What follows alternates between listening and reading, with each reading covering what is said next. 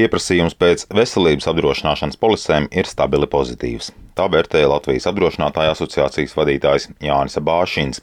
Kāds uzņēmums saviem darbiniekiem polises pārstājot pirkt, bet tā vietā nākot cits. Ja mēs skatāmies uz inflāciju un uz, uz polišu cenām, tad tur ir grūtāka situācija, jo medicīna ir tā joma, kur būtībā katru gadu inflācija ir lielāka vai mazāka. Un pašlaik tā inflācija ir diezgan spēcīga, kas nozīmē to, ka nu, ir tāds mīlas trīsstūris starp klientu, kurš grib maksāt mazāk un saņemt vairāk, starp apdrošinātāju, kurš grib tomēr nopelnīt, un starp medicīnas iestādi, kura arī grib nopelnīt un ir spiesta kaut kur pamazām celt arī cenas. Sakas ir tādas, ka daļa klientu saņem mazvērtīgākas polises ar lielāku klientu līdzmaksājumu. Dažos gadījumos apdrošinātāji cenas pat neceļot uz savu izmaksu un efektivitātes rēķina. Klientu intereses mazināšanos nejūt Veselības centra 4 valdes priekšsādētājs Māris Rēvalds. Viņš gan atzīst, ka apdrošināšanas polišu kvalitāte mazinās. Paaugstinājuši pakalpojumu cenām, iespiest vienā un tajā pašā prēmijas rāmī var ar vien mazāk. Un tā ir problēma. Faktiski šie apdrošināšanas produkti kaut kādā mērā degradējās.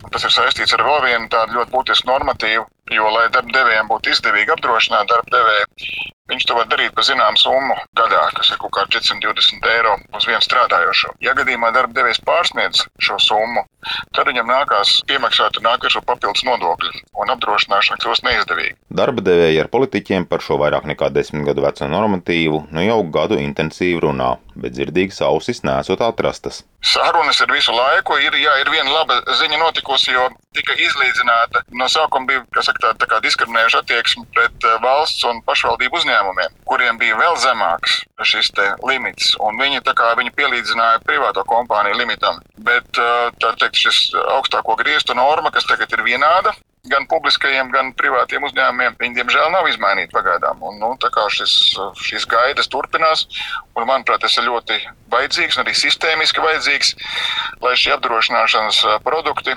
būtu kompensējoši un valsts veselības budžeta taupoši. Par valsts budžeta taupīšanu veselības apdrošināšanas polišu kontekstā runā arī advokāte Latvijas Universitātes medicīnas fakultātes asociētā profesore Solvita Olsena.